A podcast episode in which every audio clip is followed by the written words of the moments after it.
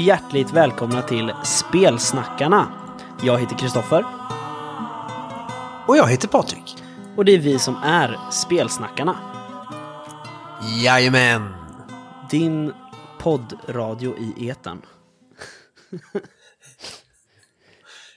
Nej, Den var ny. Ja, men jag tycker vi behöver någon catchphrase egentligen som är roligare.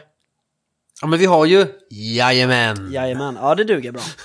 Ehm, ja, välkomna till uh, Spelsnackarna. När du hör det här har du förmodligen precis kommit hem från Gotcon.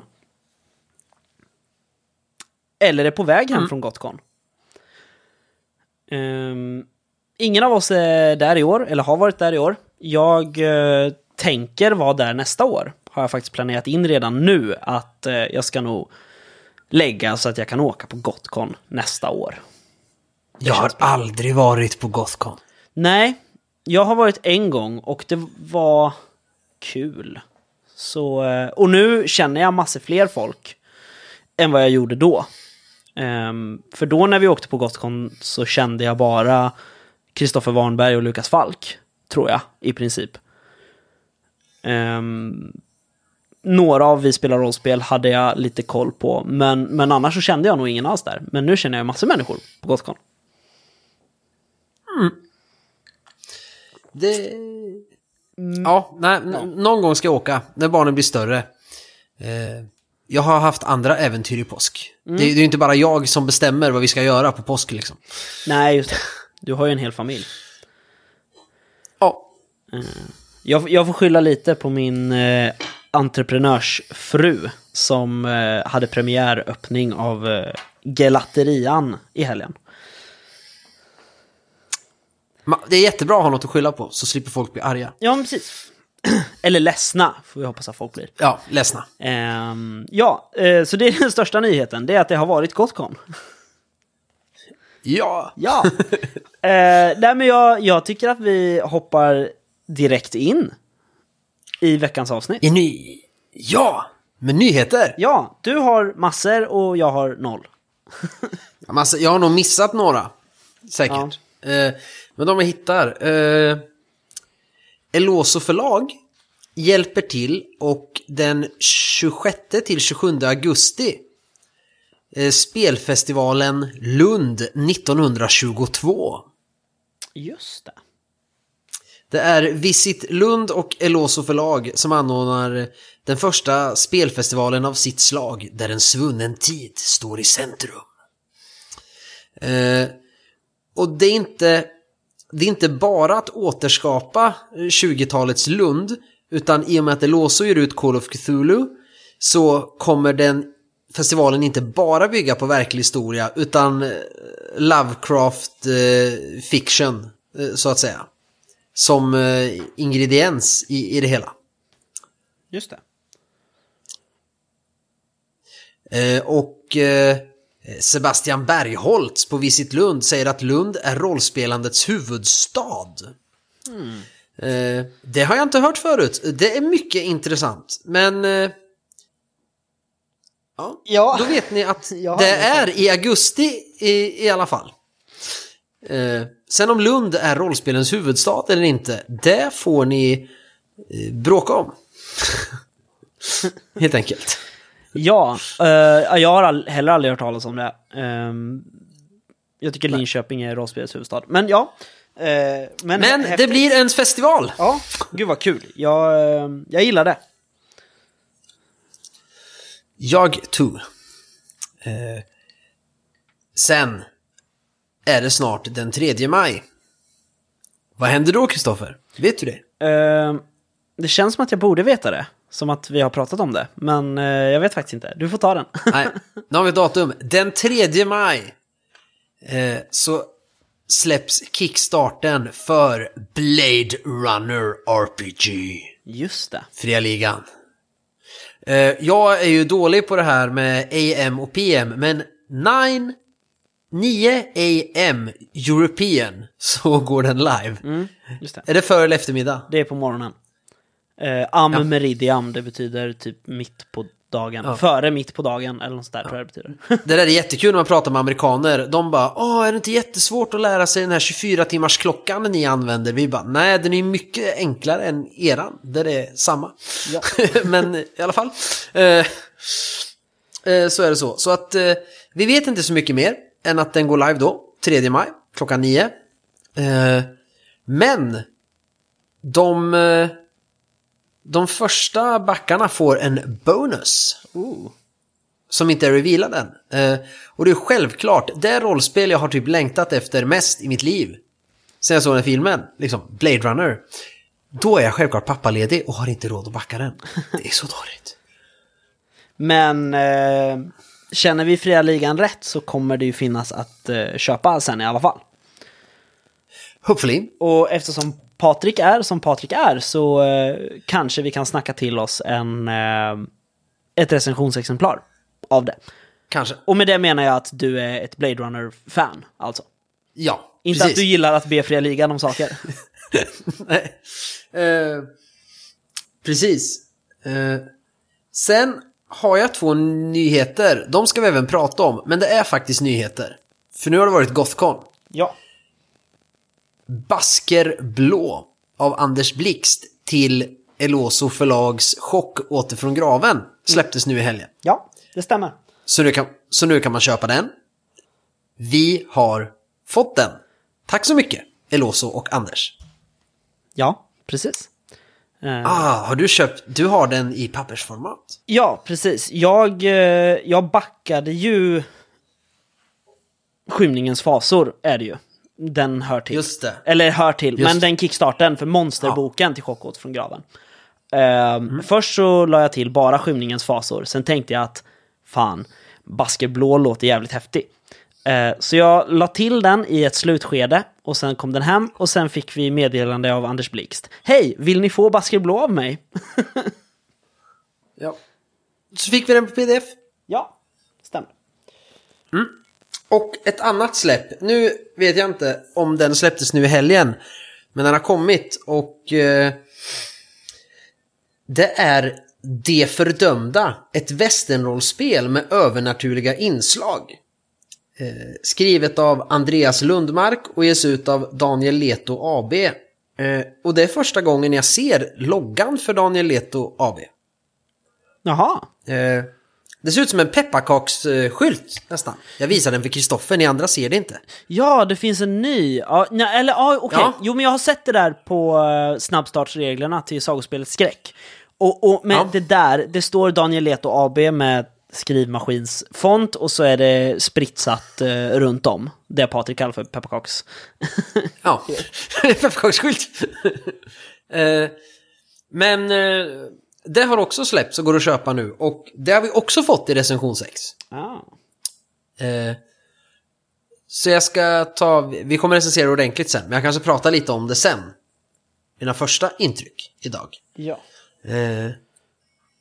Sen vet jag inte, det borde vara någon Kickstarter som jag borde känna till, men jag kommer inte på någon. Ehm, ja, jag har ingen igång i alla fall, men jag har en Kickstarter som eh, jag tittade upp lite snabbt när jag kände så här, vad pinigt att inte ha någon nyhet. Eh, och det kan vara typ den häftigaste jag någonsin har sett. Jag har sett den i periferin när jag har varit på Kickstarter, men jag har som inte backat det än. Ehm, och det är My Bloody Valentine, the board game. Har du sett My Bloody Valentine? Ja. Ja. Eh, för er som inte vet så är det en eh, skithäftig skräckfilm som eh, handlar om en gruva, typ. Och mer än så vill jag inte säga, egentligen. Ehm, och, och ett samhälle handlar det också om. Och skräck. Och eh, alla hjärtans dag. Och eh, det finns ett förlag som heter Stop the Killer som eh, har gjort Silent Night, Deadly Night, the board game tidigare. Eh, jag tror det är amerikanskt, jag har inte läst så noga. Eh, de tar i alla fall betalt i dollar så att jag skulle tippa på det. Eh, det är ett brädspel som är planerat att släppas i december, nu i år faktiskt. Eh, kickstarten tar slut 7 maj, så att man har eh, några veckor på sig fortfarande. 335 pix så får man en eh, gamebox. Och eh, vad som är coolt, det finns ju en eh, Kickstarter exclusive grej här och det är att eh, spelbrädet är format som ett hjärta. Det är det inte, kommer det inte vara i retail retail-versionen sen. Eh, vi lägger en länk till det såklart. Jag, eh, vi skulle kunna ha ett helt avsnitt där, där vi pratar om varför jag älskar 80-tals skräckfilmer, men eh, det får bli ett annat avsnitt tror jag. Sen eh, har jag nog inte fler nyheter faktiskt. Det, just det, det är eh, fundat det här, My Bloody Valentine. Och det verkar köra ett add-on-system snarare än... Eh, vad heter det? Stretch goals. Stretch goals. Ja, precis. Förlåt, jag är trött. Jag är ganska övertygad om att Blade Runner kommer bli foundat också, för på Ennis så vart ju det framröstat till Most Anticipated RPG 2022. Ja, det var... eh, Bara att Ja, men bara att vara nominerad i den kategorin gör ju att många kommer gå in på Kickstarten och backa det. Det var ju därför det var en miljard människor som eh, backade Lex Occultum, till exempel. För att det vart ju också framröstat till det. Och Truvan Chronicles också. Eh, så som ni märker så är det inte bara drakar och demoner som Fria Ligan har tagit över av Riot Minds. Utan också deras kvalitetsstämplar. Ah, Ja, Patrik förstod inte riktigt vad jag menar. nej men nu, nu hängde jag med. Eh, yes, eh, har du spelat någonting då? Veckorna? ja, senaste veckan har jag faktiskt spelat ganska mycket. Det är ju min... Jag har ju spelat, jag har ju varannan vecka spel. Och nu har jag byggt ut det ytterligare. Så förra veckan så hade jag inte färre än tre feta spelmöten. Jag kommer välja ut ett som är roligast. På söndagen förra veckan så spelade vi Troubleshooters. Du, jag och Mattias. Vad bra att det var det roligaste. Nej, jag tar det roligaste sist sa jag ju. Jaha. Jag tyckte så jag ska välja ut det roligaste. Ja, och jag bara, jag, ja, du tog vårat. jag kommer berätta lite om varje. Eh, Men Okej. jag kommer Ja. prata mest om det roligaste. Eh, nej men det var kul, vi spelade ju färdigt eh, Eye of Shiva. Japp. Din, eh, kamp- det är en kampanj egentligen, men vi bantade ner det till ett litet äventyr. Eller? Det var tanken att vara en kampanj, men jag tappade ju sugen där och eh, det var egentligen mellanakten där i Venedig som den blev ju aldrig av. Just det, vi hoppade direkt till, till bossfighten, typ. Typ.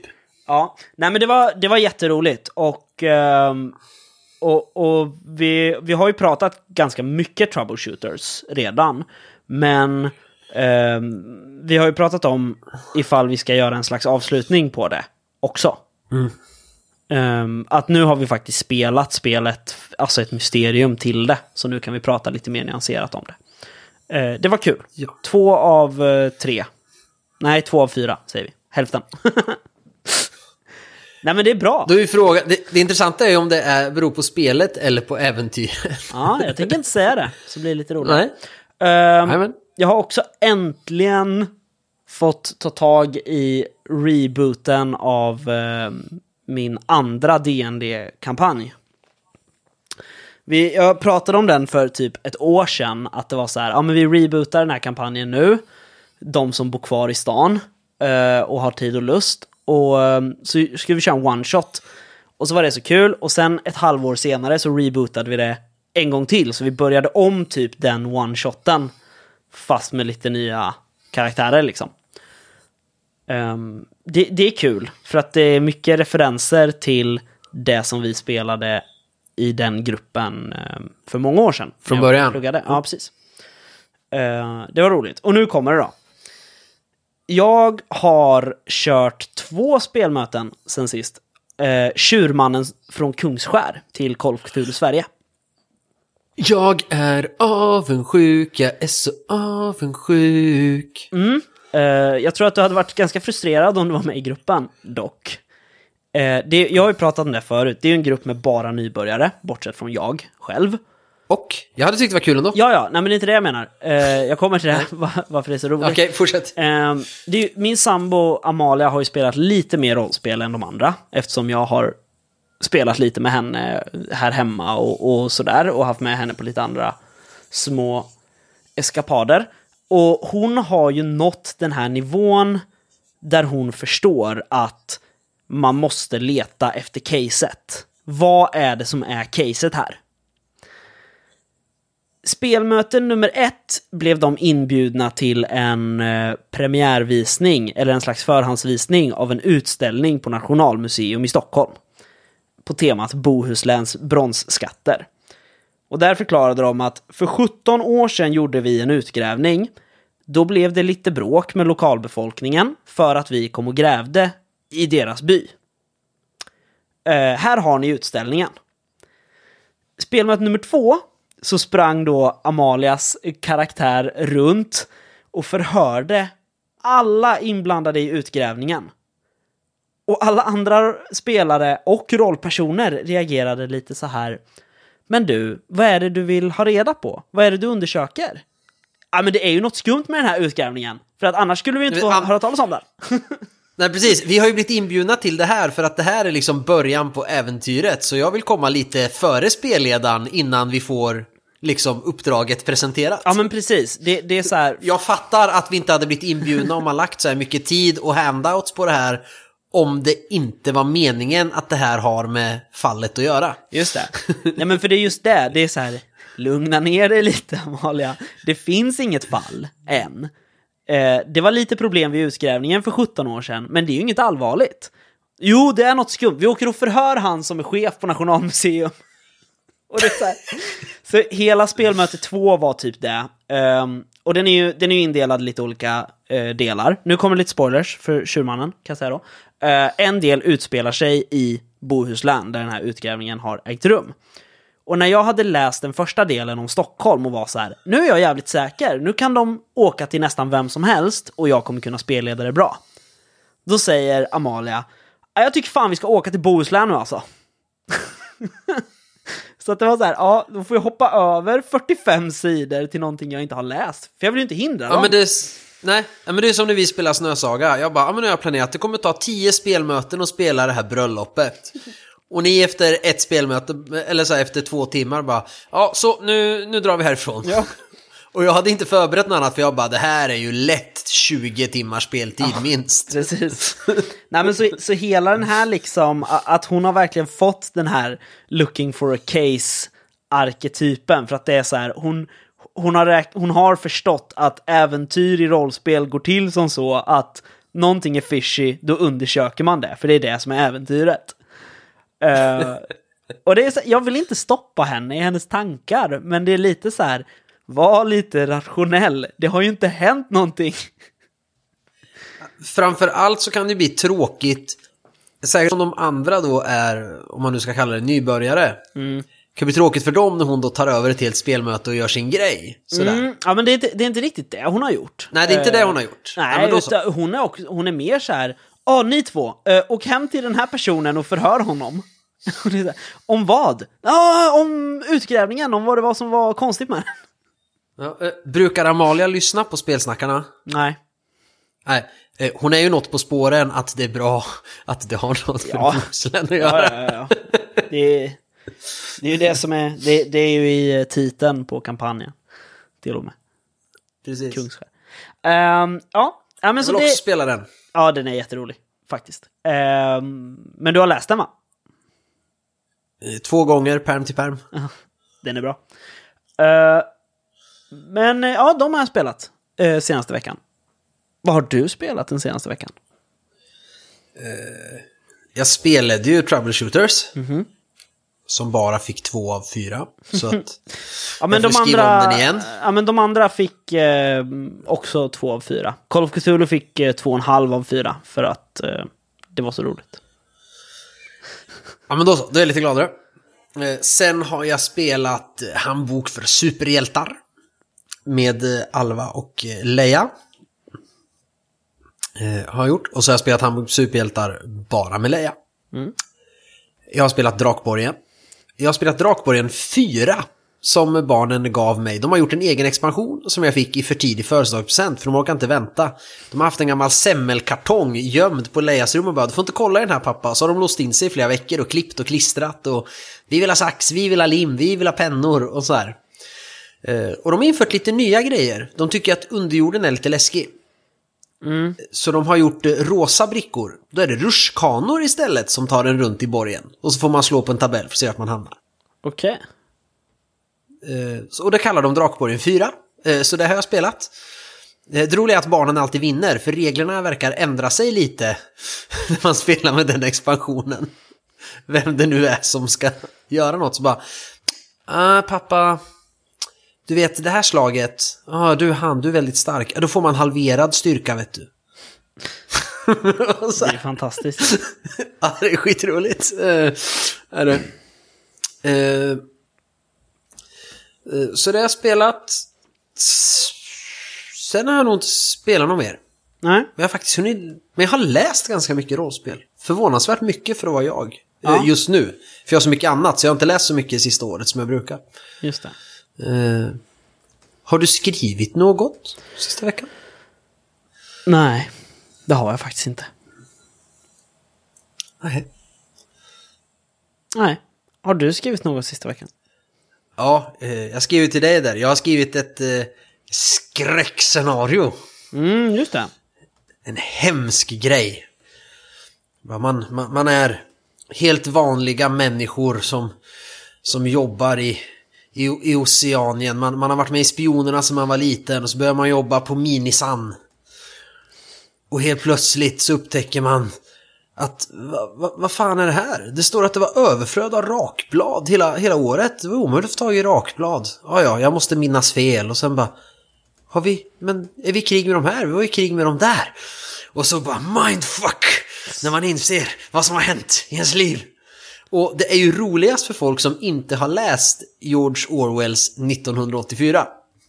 Ja, Eh, det, eller alltså, det är kul för oss andra som förstår referenserna, men folk som inte har läst den, jag tror man kan fucka ganska mycket med deras hjärnor. Just bara, ja men man beskriver världen så som partiet beskriver den och att det här är normalt, det här är vackert. Och sen kommer allt det här motsägelsefulla som man får höra. Och därför jag kallar det ett skräckscenario. För det är ju psykologiskt obehagligt i en sån värld. jag kom på en nyhet till nu ju.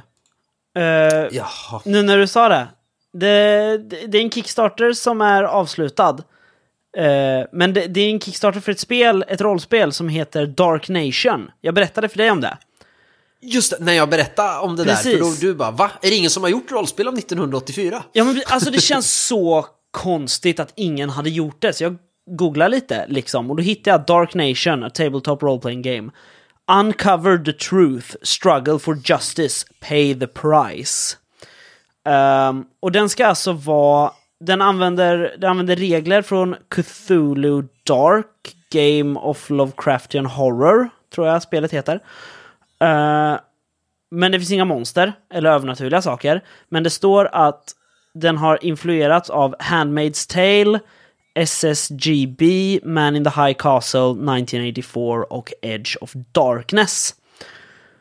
Ehm, så att jag, jag vill lägga en länk till, till pre-order, för det är pre-order igång nu för Kickstarten är slut. Ja. Alltså Handmaid's Tale känns också hela den så inspirerad av 1984 lite grann. Jo men det är den ju. Alltså, Det är eh, de är ju, de är ju ögon, eh, liksom Ja. polisen.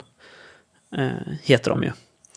Eh, och så. Ja, Ja, men i alla fall. ja, det, förlåt. Eh, För Bra nyhet. Eh, Men den har jag börjat eh, skissa på och arbetsnamnet är i alla fall Jag älskar storebror! Utropstecken, frågetecken. Eftersom det är på riktigt den obehagligaste mening jag har läst i en bok. När man läser det på sista sidan. Jag älskar storebror. Det är så obehagligt. Jag tror faktiskt det står han älskade storebror. Ja, han älskade storebror. Men, men det, är ändå, det är stört obehagligt när man just har läst färdigt hela boken. Ja, ver- verkligen. Jag, jag älskar 1984 och eh, alltså temat i den är väldigt rollspelsvänligt. Ja, Eh, man, man men skulle... jag vill ändå... Ja, förlåt. Äh, fortsätt. Ja, man skulle i princip kunna, med någon som inte har läst boken, bara rollspela hela handlingen. Kanske inte hela, men alltså, förstår du? Nej, nej, men det är lite åt det hållet. Inte hela den, men den resan. För det är den, och jag har inte hittat något smart regelsystem. För att det behövs inte ett. Där är det ju verkligen resan rollpersonerna gör som är intressant. Eh, Så det skulle räcka att typ singla slant. Ja, du vill göra någonting. Ja. Eh, försök då. Eh, och sådär. Men lite mer behöver man ju. Men fast det är smart. Något Cthulhu, it, något med sanity för man blir så galen. För att jag tror det blir inte lika kul att köra att man är någon sorts motståndsrörelse eller något. Utan hela ska baseras på att man får insikt. Just det. Ja, jag- Ja, jag tror det också. Att det ska inte vara liksom action-baserat. Nej. Men i alla fall, det har jag skrivit och det är sjukt kul att skriva den. Ja, det kan jag tänka mig. Det verkar Och den skulle jag vilja spela någon gång. Mm, ja, jag med. Jag är alltid up för eh, lite 1984. Och det här kan du, är det något man som svenska lärare kan ta med sig i undervisningen. Att istället, när det är dags att läsa 1984 i skolan så kan man ju spela 1984 istället. Exakt. Och i samhällskunskap, en crossover mellan svenskundervisning och samhällskunskap. Vi har, visst har jag berättat om, om eh, min, eh, mitt kemistad-projekt? Det är en, en Ja. interaktiv läsning av Kallocain. Eh, Ja. Så det är lite samma, samma grej. Ja, nej men ashäftigt ju. Det har jag skrivit och det ska bli kul. Mm. Eh, Sen har jag skrivit ett slut också till eh, eh, Eye of Shiva nu när jag vet hur det till exempel kan sluta. Och Ja, eh, hittade på massor alternativa slut också. Eh, för jag inte visste riktigt vad ni skulle göra. Mm. Så nu är slutet färdigt. Just det. Ja, nej men, och det, det där är en grej som jag, jag har lärt mig ganska mycket genom åren när jag har, har eh, spelat saker som jag har skrivit. För det har vi pratat om, att jag, jag skriver ju fler saker än vad jag faktiskt spelar. Så att en, många av det, mycket av det jag har skrivit, det är, det är ju aldrig speltestat. Inte av mig i alla fall. Um, men, men en del saker spelar jag ju med olika människor och då märker man det här, ja men vilka vägar tar de, hur kan det sluta? Liksom. Uh, Call of Cthulhu har jag ju gjort det när jag har skrivit grejer. Att det är så här, ja, uh, om man inte kommer i tid till det här, då kommer det här att hända. Om man kommer i tid och lyckas göra det här, då kommer det här att hända. Och om man kommer dit och lyckas stoppa allting, ja då händer ingenting. Liksom. Ehm, så förmågan att skriva flera möjliga slut är ju ganska användbar. Jag kom eventuellt på en nyhet till. Nu när vi pratade om skriva sen sist. Ja, jag också, tror jag. är det samma? Du, säg den du. Har, in, har inte Under ytan 2 släppts också nyligen? Det stämmer. Under ytan volym 2 till Leviathan har släppts av Mylingspel. Och eh, vi kommer länka till den också. Jag, jag har varit med och skrivit, det är, ett, eh, det är två äventyr tror jag. Det är minst ett, men jag tror att det är två. Eh, och så är det ett bestiarium med. Och i bestiariet har jag lämnat ett litet bidrag. Och det är väldigt spännande. Jag tror att det här är nog det första jag skrev för tryck. Sen var det inte det första som kom i tryck, men det var, det var nog det första jag skrev till tryck faktiskt. Så det är spännande. Coolt. Mm. Men, då fortsätter vi med avsnittet. Ja, precis. Och du har ju nämnt de två saker vi ska prata om ju. Ja. Mm. Vad ska vi börja med tycker du? Uh, troubleshooters tycker jag. Troubleshooters. Just det, det var idag vi skulle prata om det. Ser du? Jag sa att jag trodde vi skulle prata om det längre fram. Och det gjorde vi ju längre fram i avsnittet. Det var så jag tolkade ditt, eh, vi ska prata om det längre fram. Just det. Vad Ja, trodde du vi skulle prata om? eh, det, det där spelet, De fördömda, hette det. Som vi har fått. Ja. Eh, men det var inte idag. Jag, jag, jag tänkte nämna det lite grann. Just det, vi har fått det. ja, ja, lite mer. Men, eh, eller, har vi så vi kan prata om troubleshooters? Eller måste vi läsa reglerna en gång till och ta det nästa gång? Jag tror faktiskt vi ska läsa reglerna en gång till och, och prata om det igen. Att är det så här man använder dem? Precis, så att vi kan dra ut vad var mitt, berodde på mitt äventyr och vad i spelet. Ja. Då gör vi så, då fick ni höra hur man eh, ändrar eh, agendan i en podd under inspelning.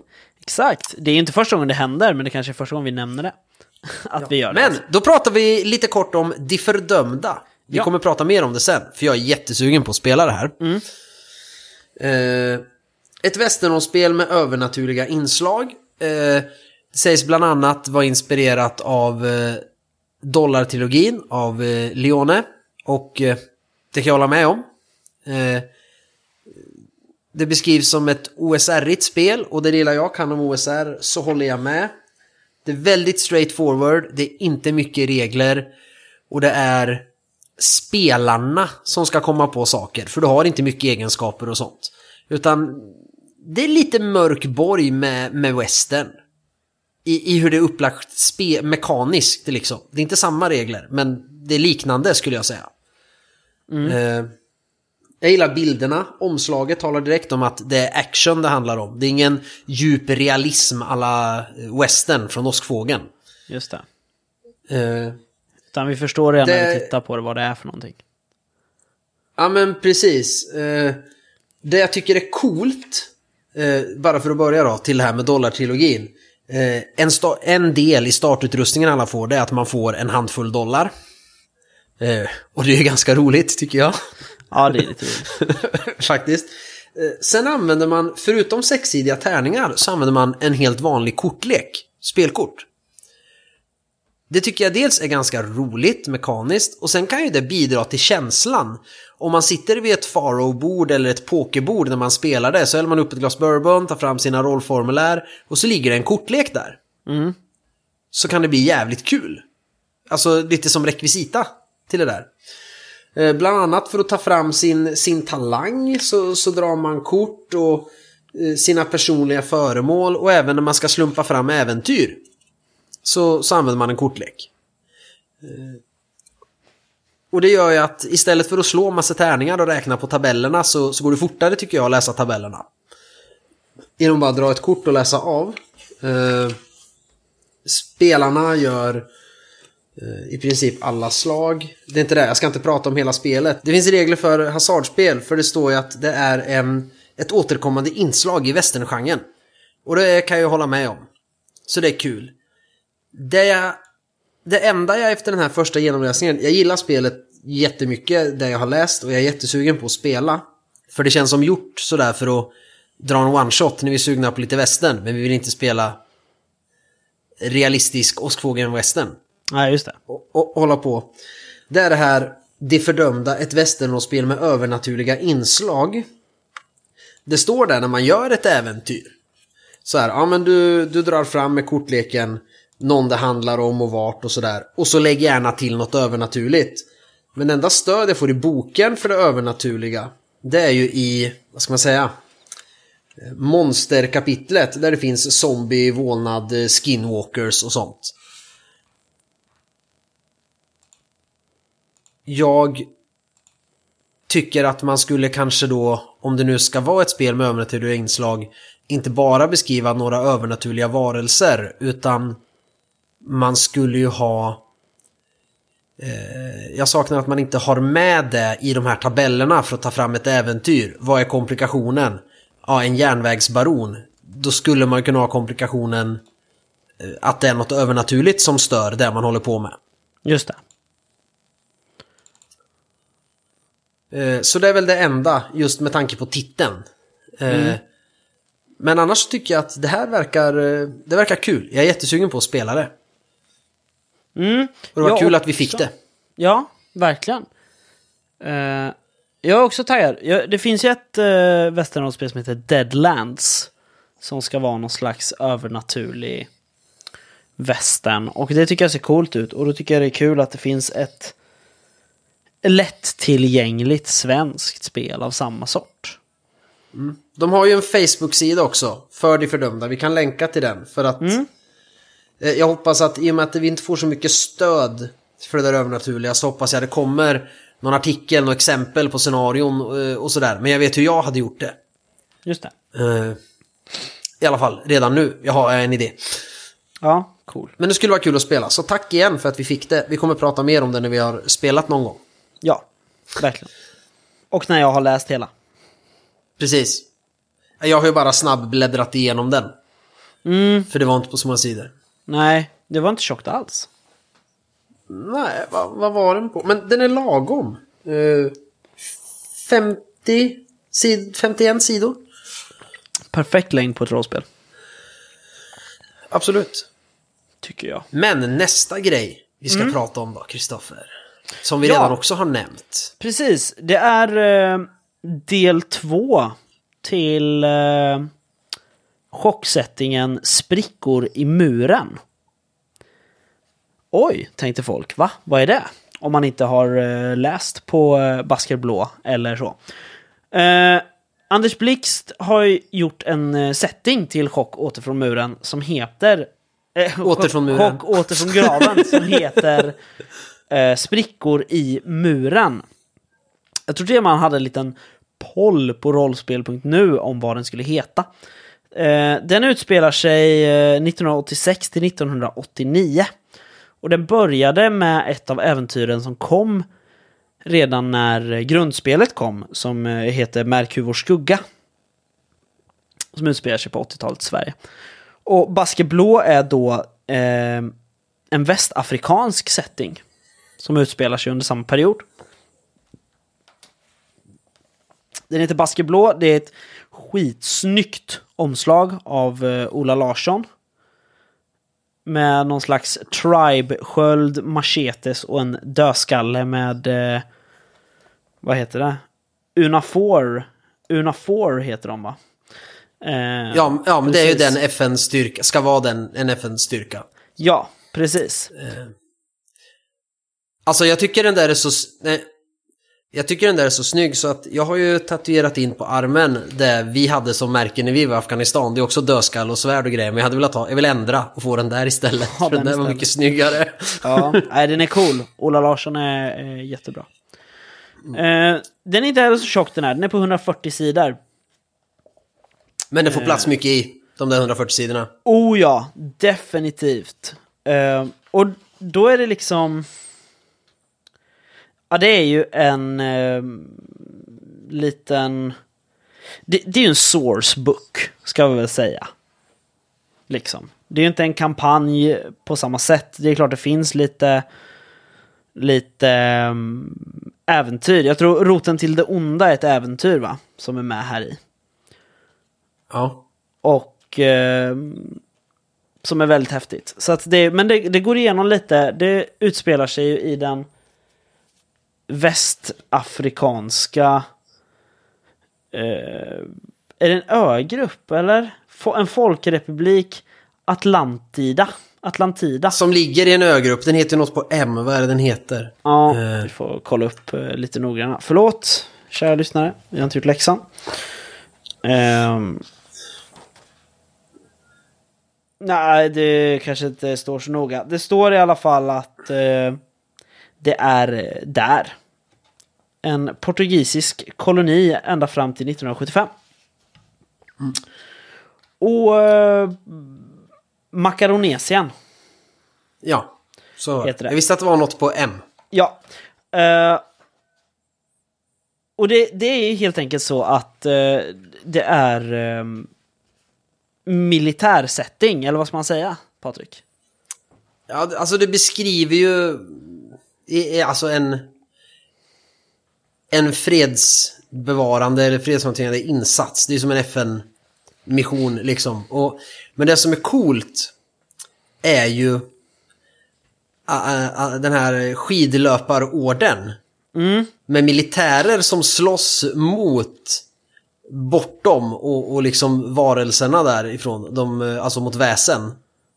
Eh, och att eh, man gissar att de finns där. Så att man bör, de i det här svenska förbandet som åker på den här insatsen så ska ju rollpersonerna då helst tillhöra den här skidlöparorden som är ett brödraskap i klassisk chockåter från graven-anda. Ja, precis. um, men det sitter ju ändå väl ihop med, eh, med grundreglerna till chock ju. Eh, Ja men, men det är det jag menar, att de får till det där, att det är därför man är där. Det är inte bara... eh, För hade man bara tagit bort det, då hade det där lika gärna kunnat vara till Expert Nova eller vilket coolt action-rollspel som helst. Ja, precis. Men det finns ju också koppling så här med nordiska, nordiska sällskap som finns på plats här. Liksom. Ja. Linnémytologerna och, och, och Nattvakten som är med i grundspelet liksom.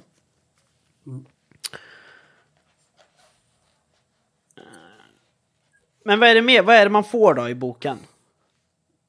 Du får ju beskrivning av eh, den här förbundsrepubliken.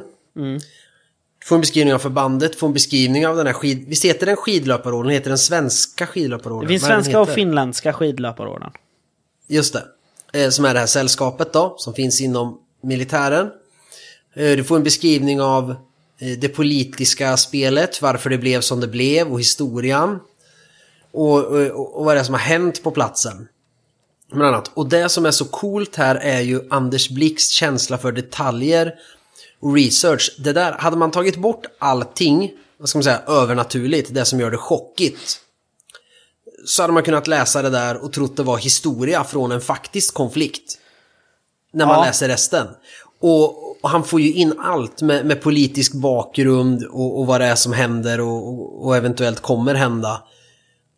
Och det är som gör det så kul. Som sagt, jag skulle kunna spela det med chock, men jag skulle kunna ta bort det där och köra det med Expert Nova och göra det till militär action istället. Och det skulle, jag skulle ha precis lika mycket nytta av boken. Ja, för det är ju så att, att äventyret som är med då, Roten till det onda, det, det är ju liksom... Primärt så är det ju människor det handlar om. Ja. liksom, Ja. och inte väsen. Eh, det, det finns ju lite väsen förstås eh, inblandade, för det gör det ju alltid. Men, men framförallt så är det ju människor, olika aktörer från olika länder som är inblandade. Och det, det, och det vet jag av erfarenhet att det skapar ju både möjligheter till intriger och ibland konflikter och oftast så är det bara jävligt trevligt och man kan hitta nya spännande roliga grejer. Så jag, jag fattar inte att det måste ju någon ha gjort förut att Alltså att, spel, att skriva något rollspelsäventyr scenario i en multinationell militär insats. Det är ju som gjort för rollspel. Det vet, vet jag ju själv. Det händer ju så mycket grejer och kulturkrock, bara gå in i ett annat lands matsal är ju en jävla grej alltså. Ja, nej men och, det, och den är så... Jag tror att vad, vad den här gör bra, eh, nu, nu som ni märker så blir det ingen jättedetaljerad koll, det här blir en slags första intryck-grej, får vi väl poängtera också om ni undrar Ja, varför så precis som med di, Precis som med De fördömda. Ja, eh, så vi tänker väl att vi använder det här avsnittet lite för att presentera vad vi kommer lägga fokus på i framtida avsnitt. Ja. blir det ju. Eh, nej men det, det, ju, det finns ju fantastiska bilagor här i och det finns ju en som är 80-talsfakta bara. För att ja, nu är vi 80-talet, nu måste vi tänka om lite grann här. Eh, den är lite... Kommer du ihåg den Gabriel de Boer-artikeln om eh, Till varselklotet? Som var med i Fenix, Ja. om prylar på 80-talet. Precis. Ja. Eh, det finns också med en portugisisk ordlista, vilket är jävligt coolt. Ehm, och det är så här e- en liten redogörelse för uttal i språket liksom. Eh, och jag, jag tycker det är skithäftigt att man är så grundlig. Så att... Ja, Anders Blixt är Anders Blixt helt enkelt. Jo men Eh. jag måste säga, alltså jag har ju läst mycket som Anders har gjort. Ja. Men vad det gäller, eh, inte research, men alltså hur han får i, binder in det som fakta och vad han får med. Så är det där bland det mest, bästa och mest utförliga han har skrivit i rollspelsväg. Som jag har läst i alla fall. Är det hans magnum opus? Ja, jag tycker det. Ja, Eh, Men, det får vi ju se när han nu skriver klart Partisan, om jag håller med. ja. För jag är så sugen på att han skriver klart Partisan. Nej, men jag har inte läst jättemycket Anders Blixt och jag har aldrig varit i det militära, men eh, jag, jag tycker att det känns eh, korrekt gjort ändå. Ja. Nej men alltså man kan få den känslan ändå av saker, att det känns som att det är rimligt gjort och, och sådär. Eh, jag fick kritik när jag träffade John Ajvide Lindqvist en gång och sa så här. Jag älskar Lilla Stjärna, sa jag, din roman, för att jag tycker att du beskriver eh, unga kvinnor så bra. Och då sa han till mig, vad vet du om det? det tyckte jag var roligt. Eh, och det är lite samma sak här. Ja, men är du med vad jag menar? Ja. Jag, jag, jag kan ingenting om FN-tjänstgöring, men det känns när jag läser det som att det här är ju väldigt rätt skrivet. Ja, och då har han ju lyckats. Ja. Eh, det finns ju också ett folk och fasor kapitel, måste vi poängtera här. Eh, och det står, det är ett sånt här fuskcitat här, som står i det här kapitlet. Det står Det här är inte Värmlandsskogarna. Eh, och det är ju sant. Liksom, Ja. att det, det, finns, ja, men det finns lite nya, nya grejer. Framförallt så är det generaler och löjtnanter och sånt där som är med. Men det är också med lite nya monster och, och sådär.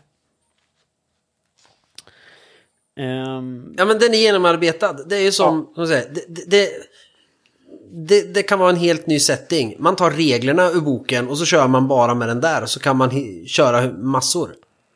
ja, Så egentligen har vi ju nu tre settingar då till chock. Vi har på något sätt grundsettingen i vår tid. Eller vad man säger. Sen har vi beredskapstid. ja, Eh, var Anders Fager som skrev den va? stämmer. Och så har vi nu sprickor i muren. Som hittills består av två böcker. Ja, eller egentligen Basker Blå, för den är nästan lite som en helt egen setting. Du skulle kunna spela hur mycket som helst med den där boken. Oh ja, alltså. Lite så här, jag skulle vilja spela Basker Blå. Men någon som inte vet vad chock är för spel. Överhuvudtaget. Eh, De, de tror det är Expert Nova action första fem spelmötena and then shit happens. Ja men precis, alltså ni spelar FN-soldater i Atlant Atlantida. Det, han har skrivit någonstans hur det ska uttalas, jag måste... Nej men liksom, ni, ni spelar FN-soldater. Punkt. Atlantida, ja. Eh, ska det vara. Och, och sen så bara kör man på, man bara spelar. Det blir lite som att se Dusk till Dawn utan att veta vad den handlar om liksom. Suddenly, Vampires. Ja. Men, men det har jag också tänkt på. Man ska spela den och att man inte är medlem av skidlöparorden men kanske att ens plutonchef är det. Och sen när saker händer, just de här soldaterna som rollpersonerna spelar, då kanske han rekryterar den för att nu har man sett shit. Och det är halvvägs in i kampanjen. Ja, precis. Man bara snubblar över sådana grejer. Jag är på, vi kör.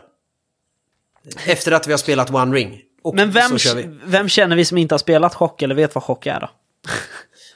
Fan, Mattias vet ju vad chock är. Eh, vet, har din sambo spelat, eh, har din fästmö spelat chock? Nej, det har hon inte. Nej, då, då, då får hon vara med. Då tar vi henne. Du ska spela FN-soldat. Lottakåren. Är du med?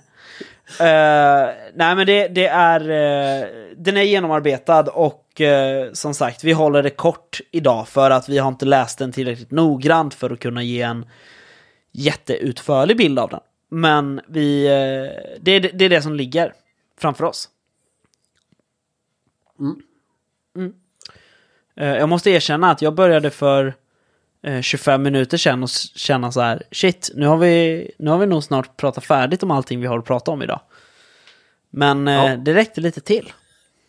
Det räckte lite till, men jag kände också det, gud vad kort det blir. Fast Ja. det är länge sedan vi spelade in. Men det är för att vi, vi har fått så mycket grejer och, och gjort mycket så att vi... Vi hinner inte läsa allt för det är för mycket att läsa. Ja, precis. Eller säger, eller sätta sig in i. Sen är det svårt vissa saker. Ett, ett spel kan man mer recensera eller prata om utan att ha spelat det eller djuplodat. Eh, man kan läsa reglerna och vad de har för grundpremisser och, och värden. Men en setting eller ett äventyr, det är mycket svårare. Det måste man grotta mer i. Precis, eh, för då måste man ha hela, hela bilden i sitt system, eller vad man ska säga. Eh, så, så jag tror att eh, vi gör nog så. Vi pratade som inte om det innan idag, eh, exakt hur vi skulle göra. Men jag tror att det får bli ett sånt avsnitt faktiskt. Att vi har kikat första intryck på två saker och nu vet ni att det är det vi kommer prata om i kommande avsnitt. Jajamän, vi kommer, hit, vi kommer prata troubleshooters, vi kommer prata de här två. Och jag gissar att vi de närmsta veckorna kommer pra, närmsta avsnitten kommer prata lite One Ring också. Eftersom vi börjar spela det om en vecka. Ja. Är du taggad? Jag är sjukt taggad, men när jag fick De Fördömda och eh, Basketblå så blev jag ännu mer taggad på dem faktiskt. men jag är taggad på One Ring. Ja. Det, det ska bli coolt. Ja, verkligen. Jag Alla håller har på ju pratat så mycket om, om First Edition i, fl- i flera år, men jag har aldrig kommit till skott och spela det eller läsa det. Nej, jag håller på att läsa de romanerna. Alltså Sagan om ringen-trilogin. Eh, så att jag har det färskt i, i huvudet liksom. Cool, cool. Så jag är skittaggad. Eh, och med det sagt så uh, vill vi väl säga att vi... eh, ja, vill man oss något så kan man skriva till oss på Messenger. Som man hittar antingen i Messenger-appen där vi heter Spelsnackarna. Eller så går man in på facebook.com spelsnackarna och klickar sig till meddelandefunktionen där. Eller så mejlar man oss på spelsnackarna.gmail.com eller skriver en kommentar här under avsnittet. That sounded about right. Yes. Eh, tack för ett kort men ändå helt okej långt och bra avsnitt. Tack själv. Hej då Kristoffer. Hej då Patrik.